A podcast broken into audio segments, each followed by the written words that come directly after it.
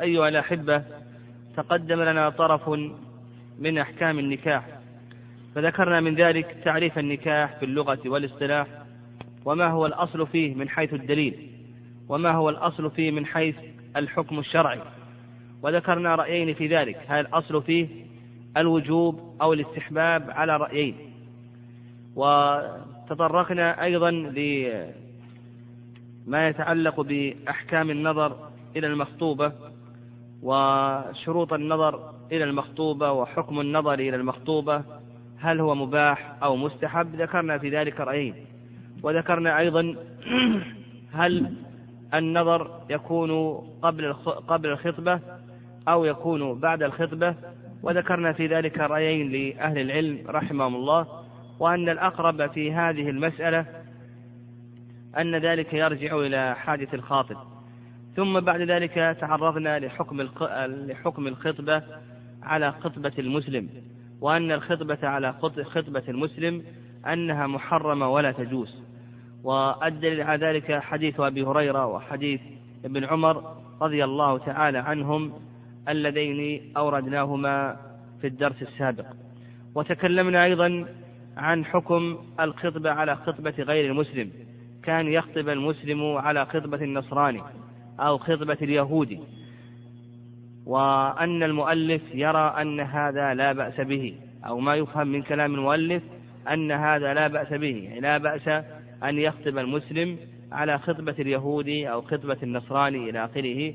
وذكرنا أن الأقرب في هذه المسألة أن هذا محرم ولا يجوز لما في ذلك من الظلم والاعتداء. ثم بعد ذلك قال المؤلف رحمه الله إلا ألا يسكن إليه. الأصل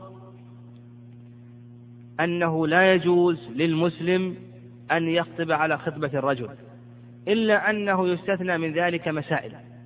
يستثنى من ذلك مسائل يجوز فيها أن يخطب المسلم على خطبة الرجل. المسألة الأولى إذا لم يسكن للخاطب الأول فلا بأس فلا بأس أن يخطب المسلم على خطبته. فلو أن رجلا خطب امرأة ثم بعد ذلك رد ولم تقبل خطبته فإنه لا بأس أن يخطب أن يخطب أحد على خطبته. والدليل على ذلك والدليل على ذلك أنه إذا رد ولم يسكن إليه فإنه لا حق له في ذلك. ليس له حق في هذه الخطبة لأن خطبته قد ردت وحينئذ إذا خطب المسلم على خطبته فليس بذلك ظلم ولا اعتداء. هذه المسألة الأولى. المسألة الأولى إذا لم يسكن الخاطب الأول فلا بأس لكل أحد أن يخطب على خطبته. المسألة الثانية أن يترك الخطبة. إذا خطب هذه المرأة ثم بعد ذلك ترك خطبتها فلا بأس للخاطب الثاني أن يخطب على خطبته ويدل لذلك حديث أبي هريرة أن النبي صلى الله عليه وسلم قال لا يخطب الرجل على خطبة أخيه حتى ينكح أو يترك حتى ينكح أو يترك. فدل ذلك فدل قوله حتى ينكح أو يترك أن الخاطب الأول إذا ترك الخطبة فلا بأس أن نخطب على خطبته لأن ولأنه أيضا لا حق له في ذلك حينئذ لأن لأنه تنازل عن حقه. المسألة الثالثة أن يستأذن الخاطب الثاني الخاطب الأول في أن يخطب على خطبته. فإذا استأذن الخاطب الثاني الخاطب الأول في أن يخطب على خطبته فإن هذا لا بأس به. ويدل لذلك حديث ابن حديث ابن عمر رضي الله تعالى عنهما أن النبي صلى الله عليه وسلم قال: لا يخطب الرجل على خطبة الرجل حتى يترك الخاطب قبله أو يأذن. قال حتى يترك الخاطب قبله أو يأذن. فدل على ذلك على أن الخاطب الثاني إذا استأذن الخاطب الأول في أن يخطب على خطبته أن هذا لا بأس به. لكن يشترط الإذن ألا يكون إذنه عن حياء. فإن إذنه إذنه عن حياء فإنه لا يجوز لأنه قد يستأذنه في أن يخطب على خطبته فيستحي يستحي من أن يخطب على فيستحي من أن يرده فيأذن له.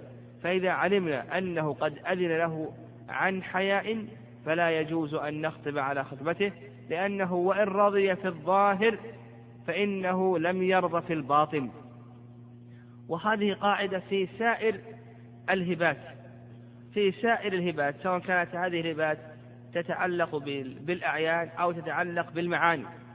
كل إنسان وهب هبة إذا علمت أنه وهب هذه الهبة عن حياء وخجل فإنه لا يجوز لك أن تقبل. المسألة الأخيرة إذا جهل الأمر يعني لو أن هذا الرجل خطب وجهلنا الأمر لا ندري هل يعطوه أو لا يعطوه. هل يجوز أن نخطب على خطبته أو لا؟ في ذلك رأيان لأهل العلم رحمهم الله. في ذلك رأيان لأهل العلم رحمهم الله. الرأي الأول أنه يجوز أن نخطب على خطبته. فلو أن زيد من الناس خطب هذه المرأة وحتى الآن الولي لم يعطه ولم يرده وهو لم يترك الخطبة فهل يجوز أن نخطب على خطبته؟ أو لا يجوز أن نخطب على خطبته المشهور من مذهب الإمام أحمد رحمه الله أنه لا بأس أن نخطب على خطبته والمحرم عندهم المحرم عندهم ألا تخطب على خطبته إذا أعطي لو أنه قبل لكن لم يعقد له عقد النكاح فهذا هو الذي لا يجوز لك أن تخطب على خطبته. أما لو أنه خطب وحتى الآن لم يعطه الولي. قد يعطه الولي وقد يرده الولي. فهل لك أن تخطب على خطبته؟ المشهور من مذهب الإمام أحمد رحمه الله أنه لك أن تخطب على خطبته. واستدلوا على ذلك استدلوا على ذلك بأن فاطمة بنت قيس رضي الله تعالى عنها خطبها ثلاثة. خطبها ثلاثة. أسامة بن زيد ومعاوية ابن أبي سفيان وأبو الجهم. أبو الجهم وأسامة بن زيد ومعاوية بن أبي سفيان فاستشارت النبي صلى الله عليه وسلم فأشار عليها أن تنكح أسامة.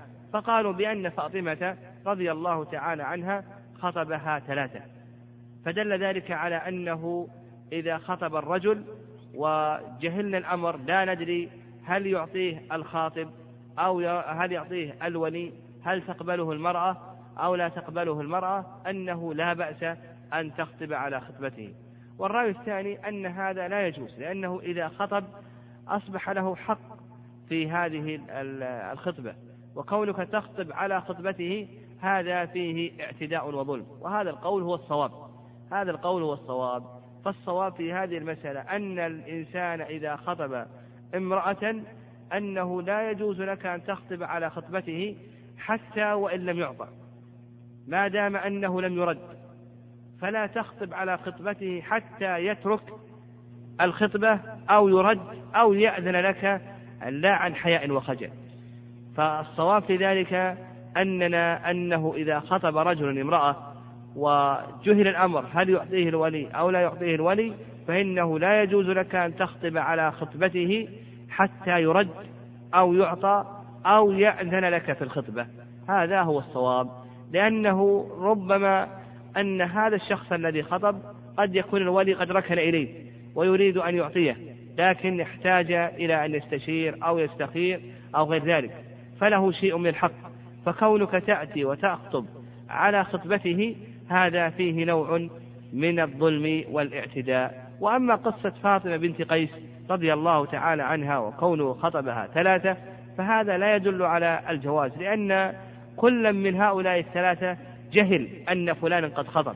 يعني آه، معاوية خطب وأسامة خطب وأبو الجهم خطب وكل منهم لا يدري أن الآخر قد خطب قبله. يعني فهم معذورون في هذه الحال. قال رحمه الله تعالى ولا يجوز التصريح بخطبة معتدة ويجوز التعريض بخطبة البائن خاصة. التصريح هو ما لا يحتمل إلا النكاح والتعريض هو ما يحتمل النكاح وغيره. فالتصريح بالخطبة ما لا يحتمل إلا النكاح. كأن يقول أريد أن أتزوجك. آه هذا تصريح بالنكاح تصريح بالخطبة. التعريض بالخطبة بالخطبة هو الذي يحتمل النكاح وغيره. كأن يقول أنت امرأة صالحة أو أنا محتاج إلى امرأة صالحة. آه، أنا محتاج إلى امرأة صالحة. آه، أو كما مثل المؤلف رحمه الله قال لا تفوتيني بنفسك أو أنا في مثلك لراغب. يعني أنا راغب في زوجة مثلك إلى آخره. المهم الضابط في التصريح في التصريح في الخطبة أن التصريح في الخطبة هو الذي لا يحتمل إلا النكاح. وأما التعريض فهو الذي يحتمل النكاح وغيره. آه، أن المرأة لا تخلو من أمرين. الأمر الأول أن تكون غير معتدة. لا ليست متعلقة بعدة بسبب طلاق أو وفاة أو فسخ أو خلع أو غير ذلك. فهذه يجوز لك أن تخطبها. يجوز للمسلم أن يخطبها ما لم تكن محرمة بحج أو عمرة. المحرمة بحج أو عمرة هذه لا يجوز خطبتها. القسم الثاني المرأة المعتدة. المرأة المعتدة. فما حكم خطبة المرأة المعتدة؟ نقول بأن المعتدات ينقسمن إلى ثلاثة أقسام. المعتدات ينقسمن إلى ثلاثة أقسام. القسم الأول المعتدة الرجعية. والمعتدة الرجعية هي التي طلقها زوجها دون ما يملك من العدد بلا عوض. الرجعية هي التي طلقها زوجها دون ما يملك من عدد الطلقات بلا عوض. يعني طلقها طلقة واحدة أو طلقها طلقتين. فإذا طلقت طلقة واحدة أو طلقت طلقتين فإنها تلحقها العدة ثلاثة قروء. كما قال الله عز وجل والمطلقات يتربصن بأنفسهن ثلاثة قروء. فهي الآن في أثناء العدة. هل يجوز لك إذا طلقها زوجها طلقة أو طلقها طلقتين؟ هل يجوز لك أن تخطبها أو لا يجوز لك أن تخطبها؟ نقول المعتدة الرجعية لا يجوز أن تخطب مطلقا لا تصريحا ولا تعريضا لأن الرجعية زوجة كسائر الزوجات. ولهذا قال الله عز وجل وبعولتهن أحق بردهن في ذلك أي في العدة إن أرادوا إصلاحا. فسمى الله عز وجل الزوج المطلق بعلا. فدل ذلك على أن الرجعية زوجة كسائر الزوجات. لا تفارق سائر الزوجات إلا في بعض المسائل. ذكرها ابن رجب رحمه الله في قواعده. وإلا فالأصل أن الرجعية التي طلقت طلقة أو طلق أو طلقتين أنها زوجة. لها حق النفقة لها حق الكسوة لها حق السكن لا تخرج من البيت إلا بإذن الزوج. آه، آه، هي مباحة للزوج له أن ينظر إليها له أن يقلو بها لها أن تتجمل له إلى آخره. فهي زوجة كسائر الزوجات وإذا كانت زوجة كسائر الزوجات فما دامت في العدة فإنه لا يجوز فإنه لا يجوز لغير الزوج أن يخطبها لا تعريضا ولا تصريحا. هذا هو القسم الأول. المعتدة الرجعية. القسم الثاني المبانة بدون الثلاث يعني المعتدة التي أبينت بدون الثلاث. وهذه كالتي طلقت على عوض يعني امرأة طلقت طلقة واحدة أو خلعت آه، خلعا طلقت طلقة واحدة بعوض. فالطلاق بعوض هذا خلع أو خلعها زوجها بعوض. أو فسخت بعوض آه، أو فسخت لفوغة شرط أو لوجود مانع لوجود عيب.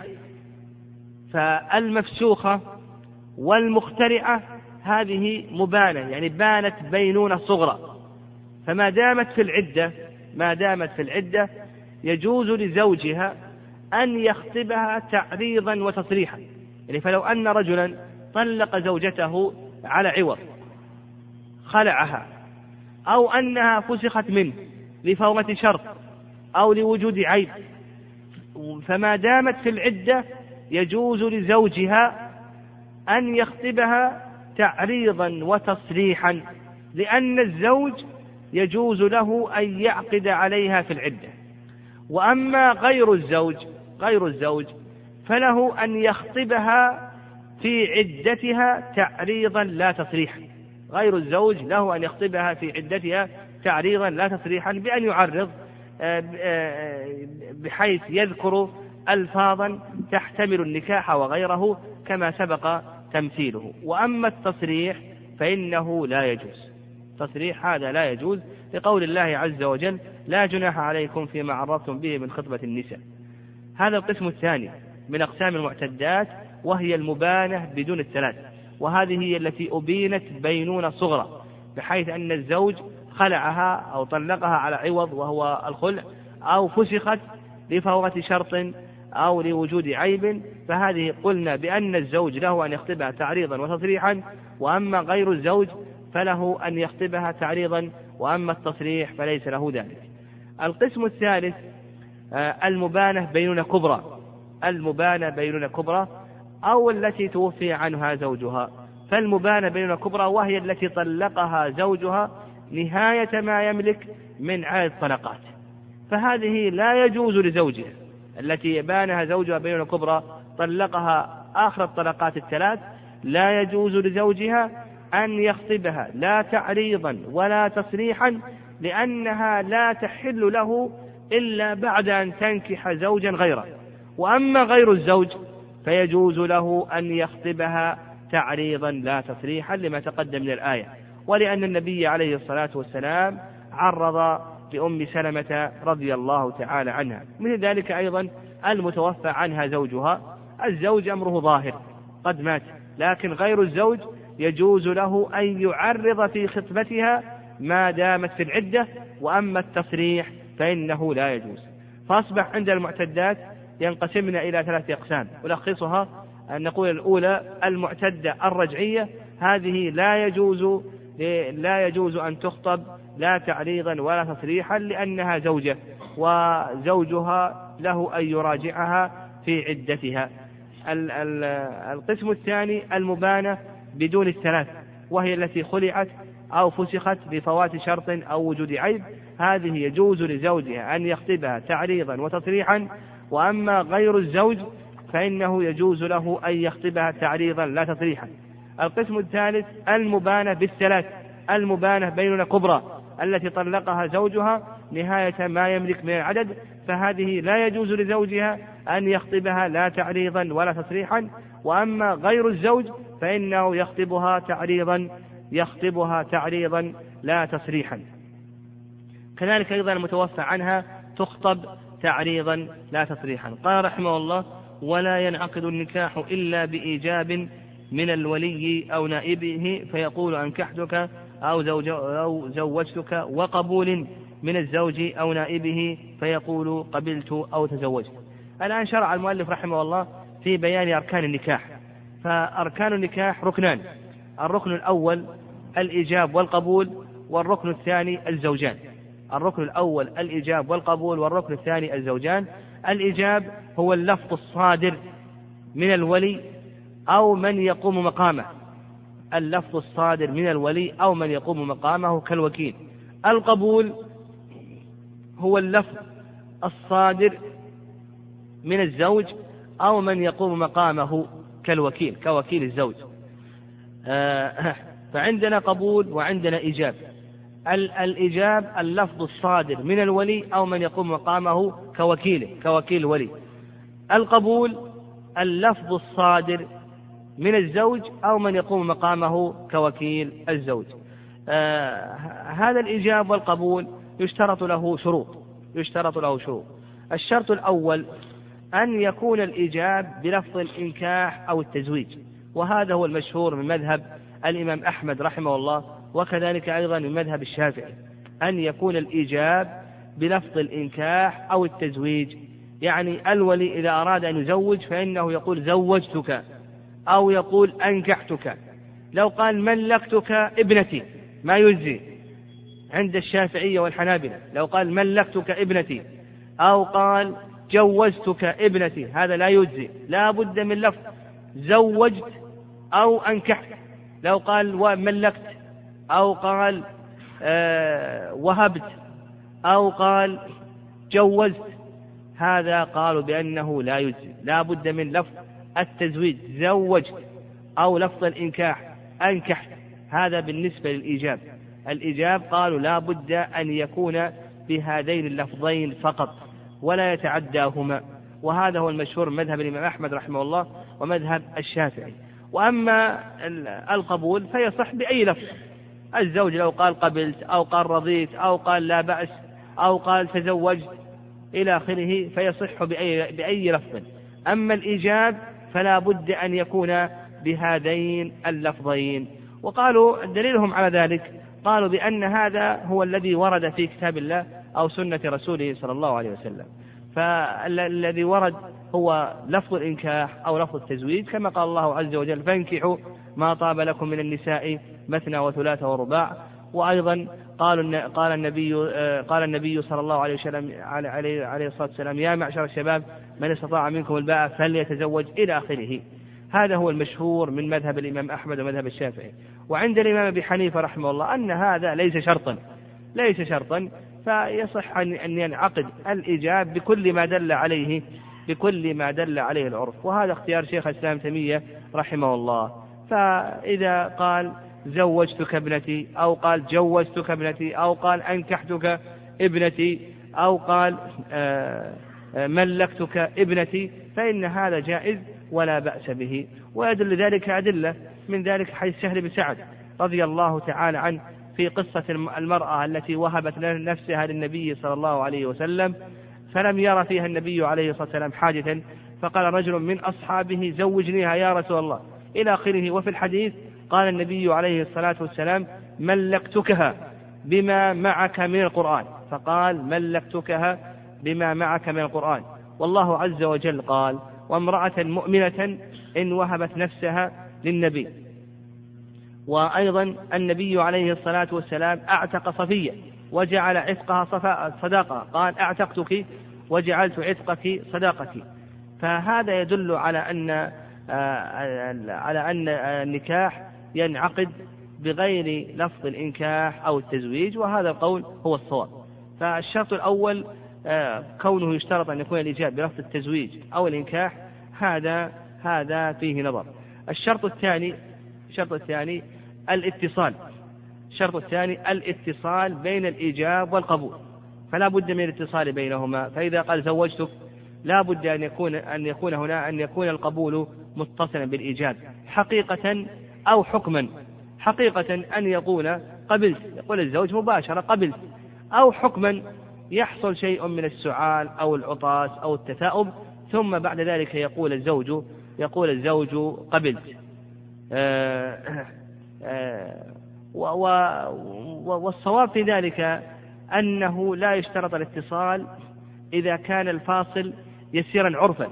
إذا كان الفاصل يسيرا عرفا من كلام أو سكوت يسيرين فإن هذا لا بأس به. فلو قال زوجتك واحتاج الزوج أن يتأمل أو أن يسعى عن هذه المرأة وكان الفاصل من الكلام يسيرا عرفا فإن هذا لا بأس به لأن اليسير آه، ملحق بالعدم. اليسير ملحق بالعدم وهذا هو الصواب. آه، الشرط الثالث آه، أن يوافق القبول الإيجاب. أما إذا خالفه فلا ينعقد النكاح. فلو مثلا قال زوجتك فقال لم أقبل فإن النكاح لا ينعقد. لا بد أن يوافق القبول الإيجاب. يعني هذه شروط الإيجاب والقبول. وهل يشترط في حال الإيجاب أن تكون المرأة طاهرة من دورتها الشهرية من الحيض أو يصح العقد عليها حتى وإن كانت حتى وإن كانت آه، عليها آه، آه، الحيض أو عليها الدورة الشهرية. نقول يصح يصح أن يعقد عليها. حتى ولو كانت غير طاهرة حتى ولو كانت غير طاهر وهذه تلتبس على كثير من الناس. يظن أنه لا بد أن تكون المرأة طاهرة من دورتها الشرعية آه، الشهرية.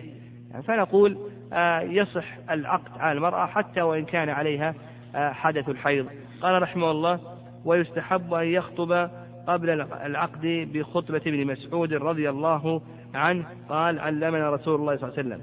هذه الخطبة ليست خاصة في آه، عقد النكاح بل كما قال شيخ الإسلام تيمية رحمه الله تستعمل هذه الخطبة في مخاطبة الناس بالعلم بتعليم الناس في تعليم الناس بكتاب الله وسنة رسوله صلى الله عليه وسلم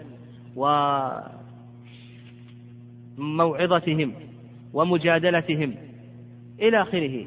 فيقول شيخ الإسلام تيمية رحمه الله هذه الخطبة ليست خاصة في عقد النكاح وإنما تستعمل بتعليم الناس في العلم.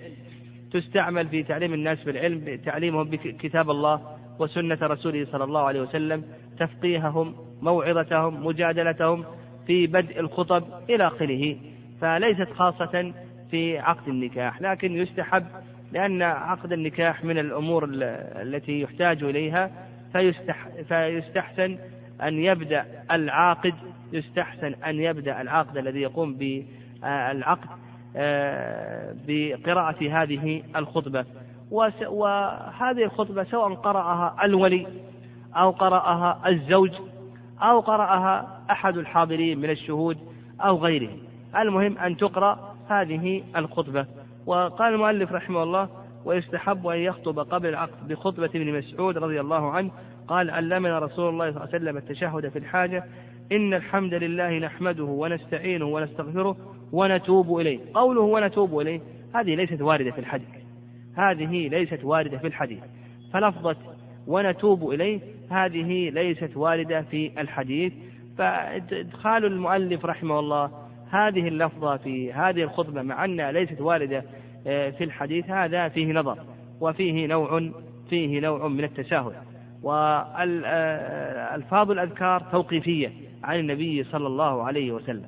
فنقول بأن لفظة ونتوب إليه هذه ليست واردة في الحديث فلا تذكر عند إيراد هذه الخطبة.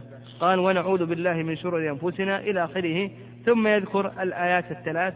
الآية الأولى في سورة آل عمران أشار إليها بقوله اتقوا الله حتى حق تقاته. أيها الذين آمنوا اتقوا الله حق تقاته ولا تموتن إلا وأنتم مسلمون. ثم بعد ذلك الآية الثانية في أول سورة النساء والآية الثالثة في آخر سورة الأحزاب. كما هي معروفة أيضا استحب طائفة من أهل العلم إذا خطب بخطبة النكاح أن يذكر بعض الأدلة الواردة في النكاح آه، والتي تراقب في النكاح ويذكر آه، أيضا العاقد شيئا من ثمرات النكاح وفوائده وشيئا من حقوق الزوجين ويوصي الزوج بهذه الحقوق إلى آخره. قال المؤلف رحمه الله ويستحب إعلان النكاح والضرب عليه بالدف للنساء. يستحب إعلان النكاح هذا هو المشهور من المذهب هذا هو المشهور من المذهب. والرأي الثاني أن إعلان النكاح واجب أن إعلان النكاح واجب. وهذا القول هو الصواب. الصواب أن إعلان النكاح أنه واجب ولا يجوز كتمانه. لا يجوز كتمانه لأن النبي صلى الله عليه وسلم قال فصل ما بين الحلال والحرام الدف والصوت في النكاح. وهذا حديث حسن. فصل ما بين الحلال والحرام الدف والصوت في النكاح. ولأن التواصي بكتمان النكاح هذا يلحقه بنكاح السر الذي هو الزنا يلحقه بنكاح ففيه تشبه آه، بفاحشة بفاحشة الزنا لأن الزنا هو الذي يكون يكون عن طريق السر. ولأن أيضا إعلان النكاح فيه فائدة وفيه ثمرة فقد يكون بين الزوجين شيء من رضاع أو نحو ذلك فيعلمه الناس وينتشر بين الناس إلى آخره. فالصواب في ذلك أن إعلان النكاح أنه واجب. وأما قول المؤلف رحمه الله يستحب إعلانه فهذا فيه نظر. وإعلان النكاح آه، آه، يرجع إلى العرف يعني كيفية الإعلان هذا يرجع إلى العرف. فمثلا كون الزوج يفتح بابه أو مثلا يقوم بدعوة الناس في الوليمة يدعو طائفة من أصحابه إلى وليمة العرس ويفتح شيئا من أنواره إلى آخره. فهذه كله داخلة في إعلان النكاح ونشره. المهم أنه لا يتواصى بكتمان النكاح. لأنه إذا توصي بكتمان النكاح فإن هذا يلحق بنكاح السر الذي هو الزنا. قال والضرب عليه بالدف للنساء. فأفاد رحمه الله أن الضرب بالدف خاص بالنساء. وهذا ما عليه جمهور أهل العلم خلافا لمذهب الإمام مالك رحمه الله. فإن مذهب الإمام مالك رحمه الله يعممون الضرب بالدف للرجال والنساء. والصواب في ذلك ما ذهب إليه المؤلف رحمه الله. ويدل لذلك قول النبي صلى الله عليه وسلم فصل ما بين الحلال والحرام الدف والصوت في النكاح. الدف والصوت في النكاح. وقال النبي عليه الصلاة والسلام لعائشة لما زفوا امرأة من الأنصار إلى زوجها هل بعثتم معها بلهو؟ فإن الأنصار قوم يعجبهم اللهو. فنقول آه، لا بأس للنساء أن تضرب بالدف آه، في آه، في في العرس. لا بأس هذا خاص بالنساء. والدف الضرب بالدف هذا من إعلان النكاح. يعني هذا من إعلان النكاح. ويشترط له شروط الشرط الأول أن يكون للنساء خاصة على ما ذهب إليه جمهور أهل العلم لأن هذا هو الذي ورد. ولم يرد أن الصحابة رضي الله تعالى عنهم ضربوا بالدف في, في الأعراس وإنما كان يضرب به النساء. هذا الشرط الأول. الشرط الثاني ألا يكون في ذلك إطالة. ألا يكون في ذلك إطالة وإنما يضرب بالدف آه، بحسب ما يحتاج إليه من إعلان النكاح وألا يكون هناك شيء لا يكون هناك شيء من الإطالة. الشرط الثالث أن يكون الدف خاصة دون بقية آلة له كطبل وغيره فإن الأصل في هذه الأشياء المنع والتحريم. قال رحمه الله باب ولاية النكاح. هنا عبر المؤلف رحمه الله أو ترجم المؤلف رحمه الله بشرط من شروط النكاح. ولو قال المؤلف رحمه الله باب شروط النكاح لكان أحسن لأن هذا الباب ذكر فيه المؤلف رحمه الله آه، ولاية النكاح وذكر فيه أيضا شروط النكاح. فالمؤلف رحمه الله ترجم بشرط من شروط النكاح ولو أنه عنون بشروط النكاح كلها كما فعل غيره لكان أحسن. قال رحمه الله لا نكاح إلا بولي. نعم. لا نكاح إلا بولي. هذا هو الشرط الأول من شروط صحة النكاح الولي. أن يكون هناك ولي للمرأة يتولى عقد النكاح لها. ويدل لذلك حديث عائشة رضي الله تعالى عنها أن النبي صلى الله عليه وسلم قال أيما امرأة نكحت بغير إذن وليها فنكاحها باطل فنكاحها باطل فنكاحها باطل. وهذا الحديث أخرجه الإمام أحمد والترمذي وأبو داود وابن ماجه وإسناده ثابت. وكذلك أيضا حديث أبي موسى وحديث عمران حسين أن النبي صلى الله عليه وسلم قال لا نكاح إلا بولي وشاهد عدل. لا نكاح إلا بولي وشاهد عدل.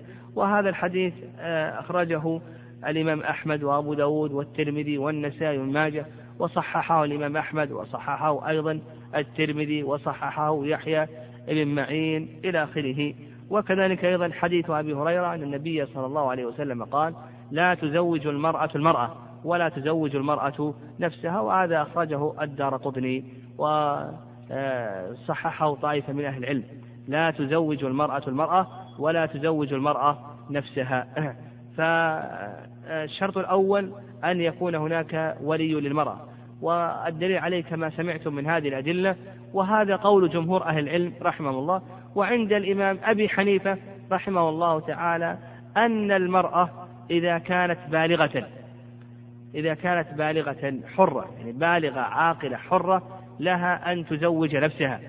يعني يشترط أن تكون حرة ليست أمة وأن تكون بالغة ليست صغيرة لم تبلغ وأن تكون عاقلة. فإذا توفرت هذه الشروط الثلاثة فلها أن تزوج نفسها واستدلوا على ذلك بدليلين. أما الدليل الأول فقول الله عز وجل فلا تعضلوهن أن ينكحن أزواجهن. فلا تعضلوهن أن ينكحن أزواجهن. وأما الدليل الثاني أما الدليل الثاني آه، فالقياس على المال. فكما أن المرأة لها أن تبيع بيتها وأن تشتري عقارا وأن تتاجر بأموالها كذلك أيضا لها أن تتاجر لها أن تعقد على بضعها. فما دام أن لها أن تعقد على مالها كذلك أيضا لها أن تعقد على بضعها. هذا هو المشهور مذهب الإمام أبي حنيفة رحمه الله. والصواب في ذلك ما ذهب إليه جمهور أهل العلم لأن النبي عليه الصلاة والسلام قال فنكاحها باطل فنكاحها باطل فنكاحها باطل. وقوله وأما قوله عليه الصلاة قوله سبحانه وتعالى فلا تعضلوهن أن ينكحن. أن ينكحن فهذا خطاب للولي. قال فلا تعضلوهن. نزلت في معقل بن يسار رضي الله تعالى عنه حينما طلق زوج أخته أخته. فأبى معقل بن أبى معقل بن يسار آه، رضي الله تعالى عنه أن يرد هذه المرأة وهذه الأخت على زوجها. إلى آخره فنزلت هذه الآية فدل والخطاب هنا للولي. هذا فيه دليل للجمهور أن آه، الخطاب الوارد في الكتاب أو السنة إنما هو موجه للأولياء. فدل ذلك على اعتبار اعتبار الولاية. وأما القياس على المال فهذا قياس مع الفارق لأن الأبضاع يحتاط لها ما لا يحتاط للأموال. فرق بين العقد على البضع والعقد على المال إلى آخره. آه، فالصواب في ذلك أنه يشترط الصواب في ذلك أنه تشترط الولاية. قال وشاهدين من المسلمين. هذا هو المشهور من المذهب. يعني هذا هو المشهور من المذهب أنه تشترط الشهادة. وهذا أيضا مذهب الشافعي رحمه الله تعالى أنه لا بد من الشهادة وهو قول جمهور أهل العلم تشترط الشهادة ويدل لذلك ما تقدم من حديث أبي موسى وحديث عمران أن النبي عليه الصلاة والسلام قال لا نكاح إلا بولي وشاهدي عدل لا نكاح إلا بولي وشاهدي عدل. وكذلك أيضا من الأدلة آه، من الأدلة على ذلك آه، ما يروى عن النبي عليه الصلاة والسلام أنه قال لا بد في النكاح من أربعة من الزوج والولي والشاهدين. لا بد في النكاح من أربعة من الزوج والولي والشاهدين. وهذا الحديث ضعيف لا يثبت لكن يستدل لذلك بقول النبي عليه الصلاة والسلام لا نكاح إلا بولي وشاهد عدل. والرأي الثاني رواية الإمام أحمد رحمه الله وقول الإمام مالك أن الشهادة ليست شرطا أن الشهادة في النكاح ليست شرطا لأن كثيرا من الأنكحة وقعت في عهد النبي عليه الصلاة والسلام ولم يرد عن النبي عليه الصلاة والسلام أنه أحضر لها شهودا. ومن ذلك ما ثبت في الصحيحين من حديث سهل بن سعد في قصة المرأة التي وهبت نفسها للنبي عليه الصلاة والسلام. آه، فلم يرى فيها النبي عليه الصلاة والسلام حاجة. فقال رجل من آه، أصحابه زوجنيها يا رسول الله إلى آخره. وفي الحديث قال النبي عليه الصلاة والسلام زوجتكها ملكتكها بما معك من القرآن. ملكتكها أو زوجتكها بما معك من القرآن. وأيضا قالوا استدلوا على ذلك قالوا بأن النبي بأن الله عز وجل قال في الرجعة نعم آه نعم آه هذا من أدلة الجمهور الذين اشترطوا الشهادة أن الله عز وجل قال في الرجعة وأشهدوا ذوي عدل منكم. وهذا في آه، في مراجعة المرأة. فابتداء نكاحها يعني الله عز وجل أمر بالإشهاد في مراجعة المرأة ففي ابتداء نكاحها من باب أولى أن يشهد. المهم الذين قالوا لا يجب الإشهاد قالوا آه قالوا بأن آه الأدلة قالوا بأن أن أن اشتراط الشهادة آه قالوا بأن اشتراط الشهادة آه، يدل على يدل عليه أن كثيرا من الأنكحة وقعت في عهد النبي عليه الصلاة والسلام ولم يشترط لها الشهادة ولم ينقل لم تنقل الشهادة آه، أو لم ينقل إحضار الشهود أو الاعتراف بهذا الأمر. ومن ذلك حديث سهل بن سعد رضي الله تعالى عنه. آه، الرأي الثالث رأي الإمام مالك رحمه الله. قال بأن الشهادة ليست شرطا هذا الراجح في مذهب الإمام مالك أن الشهادة ليست شرطا في عقد النكاح لكن يشترط الإشهاد قبل الدخول. يعني لو أنه عقد بلا شهادة فالعقد صحيح لكن يشترط الإشهاد قبل الدخول على المرأة. فإذا حصل الإشهاد قبل الدخول على المرأة فإن العقد في هذا آه، صحيح ويصح عقد النكاح. يعني فلو أنه لم يشهد في حال العقد واكتفي بالشهادة عند الدخول فإن هذا كاف هذا هو المشهور. من مذهب الإمام مالك رحمه الله الراجح في مذهبه وله رواية أخرى كما تقدم أن الشهادة ليست شرطا مطلقا. آه، والأقرب في ذلك والأحوط هو ما ذهب إليه جمهور أهل العلم رحمهم الله تعالى. وأن الشهادة تشترط. وأما قولهم آه، بأن الذين قالوا بأن الشهادة ليست شرطا قالوا بأن هذا لو كانت شرطا لتوفرت الدواعي على نقله واشتهر إلى آخره آه، ولم ينقل مثل ذلك فنقول هذا فيه نظر. نعم هذا فيه نظر. وأما حديث سالم بن سعد فالنبي عليه الصلاة والسلام زوجها بمحضر من الصحابة وهذا وهذه شهادة. وأيضا آه، يدل ذلك حديث أبي موسى رضي الله تعالى عنه وهذا الحديث صححه جمع من الأئمة آه، رحمهم الله. وهذا هو أحوط أحوط وأبرأ للذمة. وخصوصا فيما يتعلق في عقد النكاح فإنه يحتاط فيه ما لا يحتاط في غيره. الذين قالوا أيضا بعدم اشتراط الشهادة استدلوا بالقياس على سائر العقود فقالوا كما أن عقد البيع لا يشترط فيه الشهادة فلو أن الإنسان باع واشترى وكذلك أيضا عقد الرهن وعقد الشركة إلى آخره فكذلك أيضا عقد النكاح. لكن يفرق كما تقدم لنا بين هذه العقود المالية وبين عقد عقد النكاح. لأن عقد النكاح يحتاط فيه ما لا يحتاط في مثل هذه العقود آه، العقود المالية قال وشاهدين من المسلمين آه، نعم اشترط المؤلف رحمه الله بالنسبة لشاهدين أن يكونا مسلمين قال وأولى الناس بتزويج الحرة أبوها ثم أبوه إن علا ثم ابنها ثم. ثم ابنه وإن نزل ثم الأقرب فالأقرب من عصباتها ثم معتقها ثم الأقرب فالأقرب من عصباته ثم السلطان. يعني الولاية في النكاح نلخصها. يعني نلخص الولاية في النكاح. نقول آه، أولا الأصول ثم بعد ذلك الفروع ثم بعد ذلك الحواشي ثم بعد ذلك آه، بعد عصبة النسب العصبة بالسبب. فنقول أولا الأصول ثم بعد ذلك الفروع. ثم بعد ذلك الحواشي ثم بعد ذلك العصبة بالنسب آه، بالسبب ثم بعد ذلك السلطان. فالأصول في ولاية المرأة الأصول الأب ثم بعد ذلك الجد وإن علا ثم بعد ذلك إذا لم يكن هناك شيء من الأصول ننزل إلى الفروع الإبن ثم ابن الإبن ثم ابنه وإن نزل. ثم بعد ذلك بعد الفروع الحواشي. الإخوة الأخ الشقيق ثم ذلك الأخ لأب ثم أبناؤهم ابن الأخ الشقيق ثم ابن الأخ لأب. إذا لم يكن هناك شيء من الإخوة ولا من بنوهم من بنيهم نرجع إلى الأعمام. العم الشقيق ثم ذلك العم لأب ثم ابن العم الشقيق ثم ابن العم لأب. آه، فإن لم يكن هناك شيء من الحواشي وكان هناك عصبة بالسبب وهو المعتق. لو كان هناك معتقا أعتق هذه المرأة يعني لو أن هذه المرأة أعتقها زيد من الناس ف ولم نجد لها أصولا ولا فروعا ولا حواشي فإن الذي يقوم بالعقد عليها معتقها لأنه يرثها.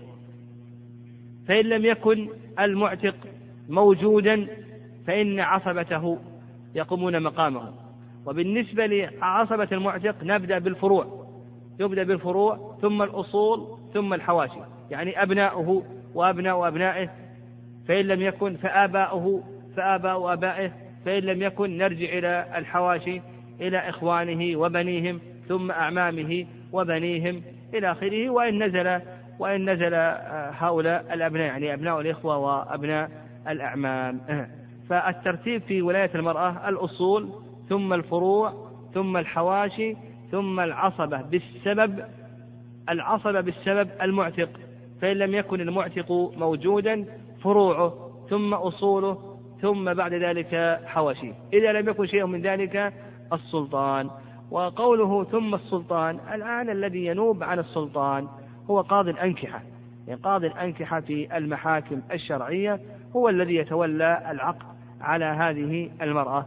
ويفهم من ذلك من قوله السلطان أن ذوي الأرحام لا دخل لهم في ولاية النكاح.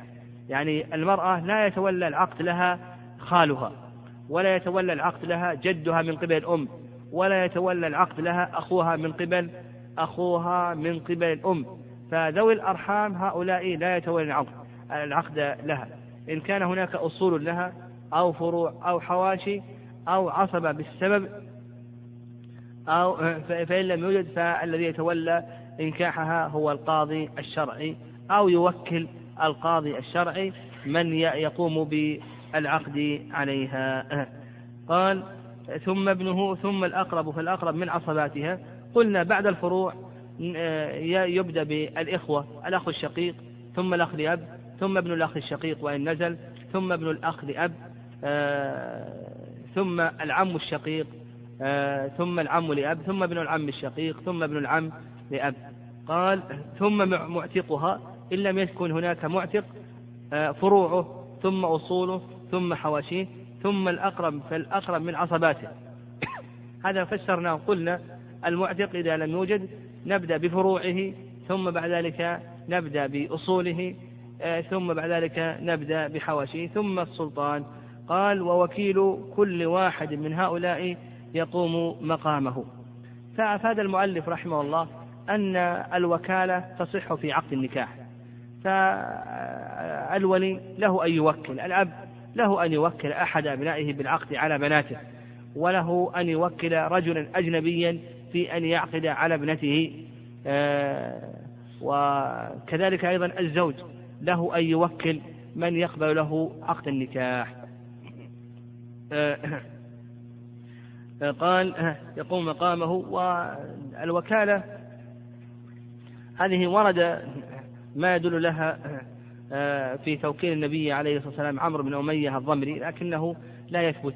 وقد وردت هذه عن الصحابة رضي الله تعالى عنهم وأيضا الأصل في مثل هذا الأصل في مثل ذلك الحل.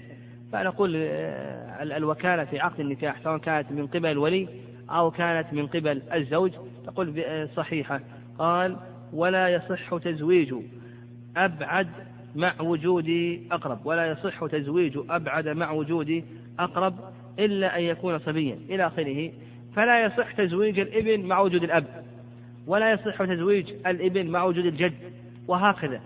يعني ما دام هناك أحد من الأصول فإن تزويج الفرع هذا لا يصح. كذلك أيضا لا يصح تزويج الأخ مع وجود الإبن أو ابن الإبن ولا يصح تزويج ابن الأخ مع وجود الأخ وهكذا. تزويج. الأبعد مع وجود الأقرب هذا لا يصح. إلا إذا وجد مسقط من مسقطات ولاية النكاح. فإذا وجد مسقط من مسقطات ولاية النكاح فإن هذه الولاية تنتقل إلى من بعده. ويفهم من كلام المؤلف رحمه الله أن تزويج الأبعد لا يصح حتى ولو أذن الأقرب. حتى ولو أذن الأقرب فإنه لا يصح. فلا يجري ما يسمى بالتصرف الفضولي في عقد النكاح. ما يسمى بالتصرف الفضولي في عقد النكاح هذا لا يجري. وهذا هو المشهور من المذهب. والصواب في ذلك أن تزويج الأبعد صحيح إذا أذن في ذلك الأقرب. إذا أذن في ذلك الأقرب نقول بأنه صحيح. فلو أن الإبن زوج ثم بعد ذلك جاء الأب وقال أجزت هذا النكاح. أجزت هذا النكاح. أو أن الأخ زوج. وأبو أبو المرأة موجود. وقال أذنت في هذا التزويج. أو ابن الأخ زوج مع وجود الأخ. أو العم زوج مع وجود أخ المرأة. فأجاز هذا التصرف. نقول بأن هذا التصرف صحيح. فالصواب في ذلك أن التصرف الفضولي ينفذ في عقد النكاح. فلو أن أحدا تصرف تصرفا فضوليا فإن هذا التصرف جائز ولا بأس به. خلافا لما ذهب إليه المؤلف رحمه الله. قال إلا أن يكون صبيا أو زائد العقل. هنا شرع المؤلف رحمه الله في بيان مسقطات النكاح. المسقط الأول أن يكون. أن يكون الأقرب غير أهل للتزويج غير أهل للولاية بأن يكون صبيا أو يكون آه، مجنونا. فإذا كان صغير غير بالغ لو كان هذه المرأة لها ابن لكن هذا الابن صغير غير بالغ غير بالغ. فنقول تنتقل الولاية إلى ما بعد البنوة ما بعد البنوة الأخوة. الأخوة يقوم بتزويجها أخوها. آه لم يكن هناك آه إخوان يقوم بتزويجها أبناء أخوها وهكذا. أو كان الأقرب مجنونا زائل العقل أو معتوها لا يعرف مصالح النكاح. فإن الذي يتزوج يزوج من بعده.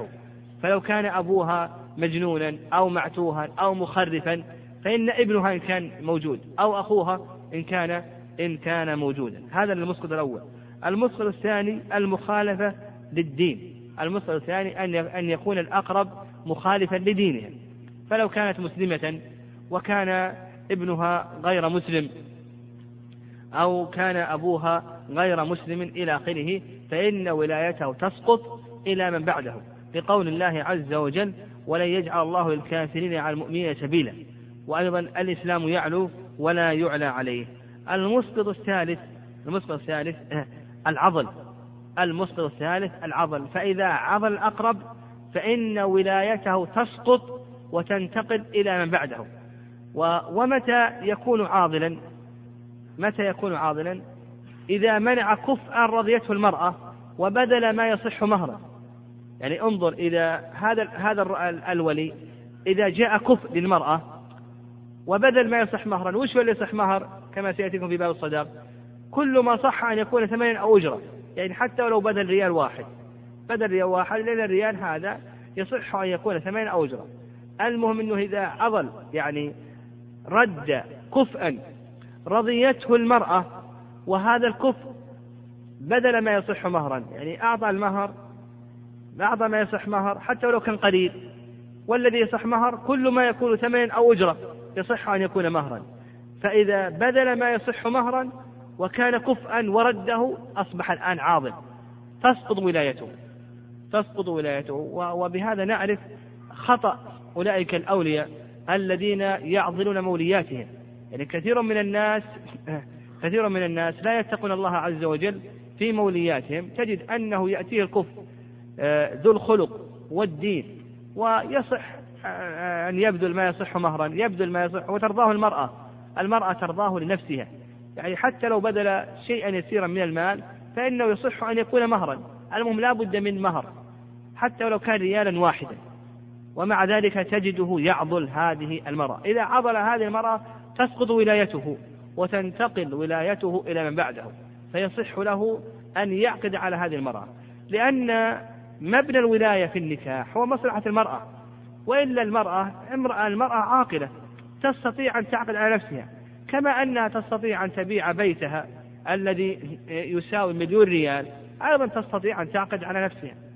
فكما أنها تستطيع أن تعقد عقد الشركة وعقد البيع وعقد الرهن وأن توقف وأن تهب إلى آخره إلى آخره فأيضا لها أن تعقد على نفسها. لكن اشترطت الولاية في عقد النكاح لأنه يحتاط للأبضاع ما لا يحتاط لغير لغير الأبضاع.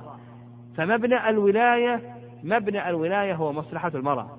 فإذا انتفت هذه المصلحة بحيث كان الزوج عاضلا كان الولي عضل هذه المرأة انتفت الآن المصلحة. انتفت الحكمة التي من أجلها شرعت الولاية على هذه المرأة فتسقط ولايته. وقد ذكر العلماء رحمهم الله أنه إذا تكرر عضل الولي لهذه المولية أنه يكون فاسقا. يعني يصبح لو, لو عضل مرتين فإنه يكون فاسقا مردود الشهادة. وخيار الولي في باب النكاح ليس خيار تشهي وإنما خيار مصلحة. وقد ذكر العلماء رحمهم الله أن من اختار لنفسه فإن خياره خيار تشهي له أن يأخذ هذا وله أن يرد هذا. لكن إذا اختار لغيره فإن خياره خيار مصلحة. لا بد أن ينظر إلى الأصلح وهذا يدخل فيه سائر الأولياء. سائر الأولياء كل من يتصرف لغيره من الأولياء والنظراء والأوصياء والوكلاء وإلى آخره فإن خيارهم خيار مصلحة. فالولي لا يجوز له أن يعضل. وإذا عضل مرة واحدة رد هذا الكفر فإنه تسقط تسقط ولايته. نعم. قال أو غائبا غيبة بعيدة إن شاء الله نكمل إن شاء الله غدا بإذن الله. المسقط الرابع من المسألة الولاية بإذن الله غدا. الله أعلم صلى الله وسلم.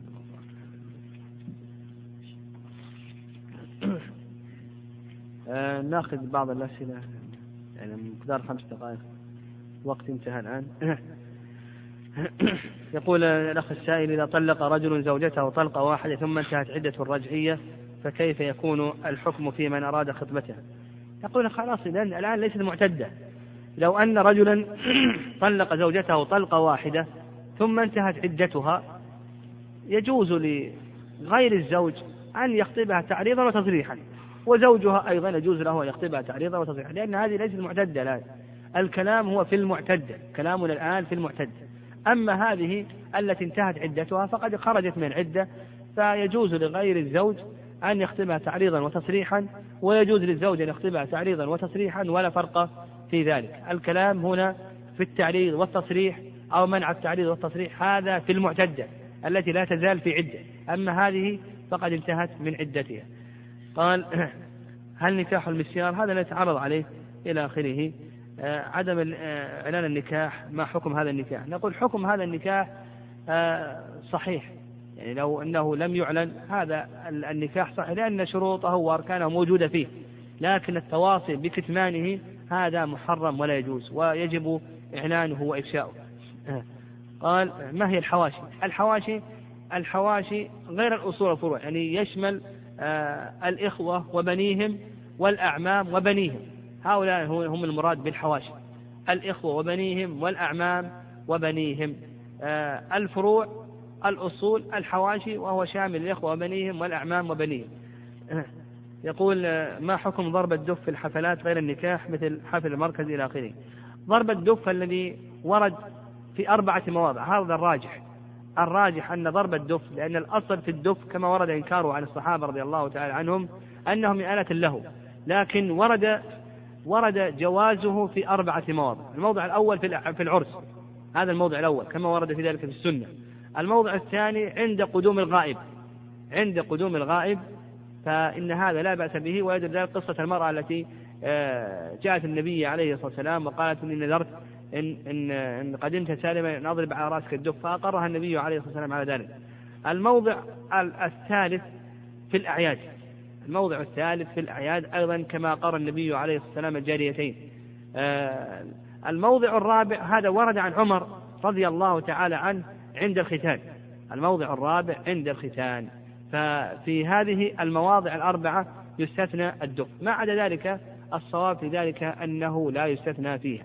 فيستثنى في هذه المواضع الأربعة. ومثل ذلك أيضا وجود الآن بعض الأشرطة التي يوجد فيها الضرب بالدف. فنقول استعمال هذه الأشرطة يصح في هذه المواضع الأربعة في العرس في العيد آه، عند قدوم الغائب أيضا في في الختان كما ورد عن عمر رضي الله تعالى عنه.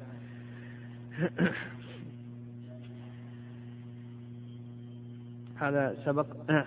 قال آه، ما معنى كلمة فصل ما بين الحلال والحرام؟ الصوت في النكاح.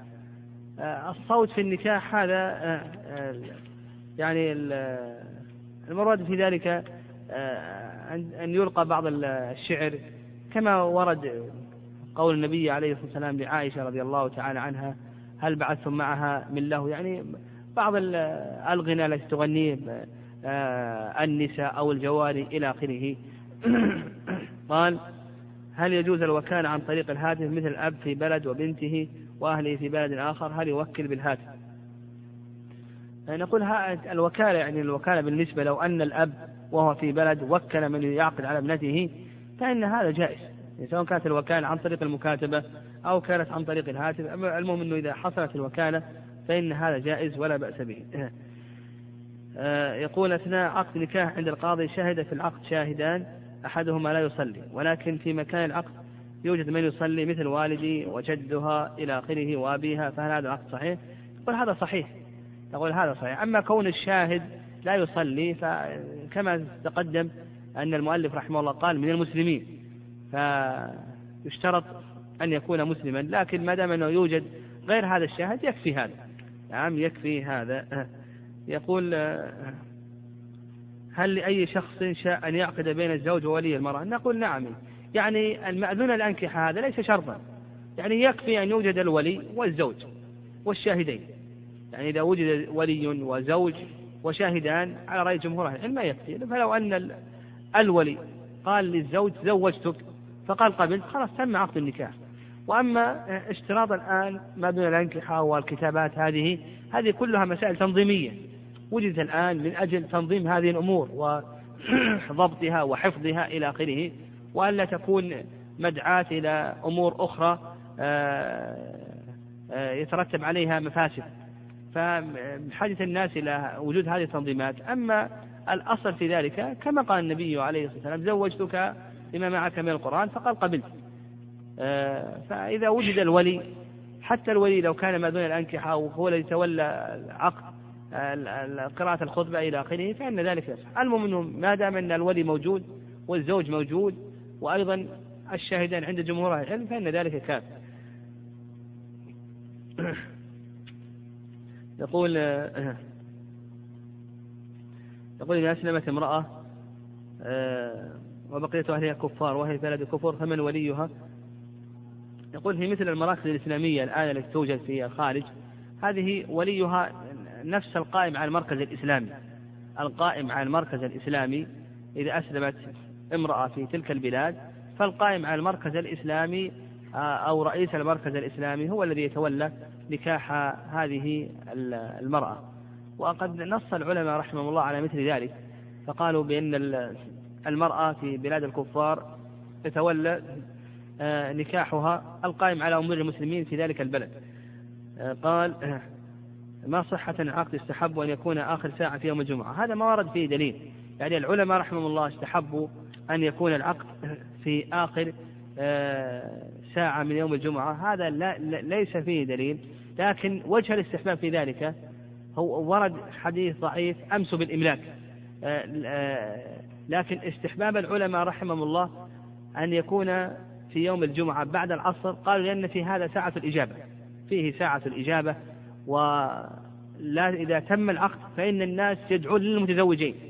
اللهم بارك لهما وبارك عليهما واجمع بينهم بخير وعافية. فقالوا يرجى أن يستجاب دعاء الناس لهذين المتزوجين.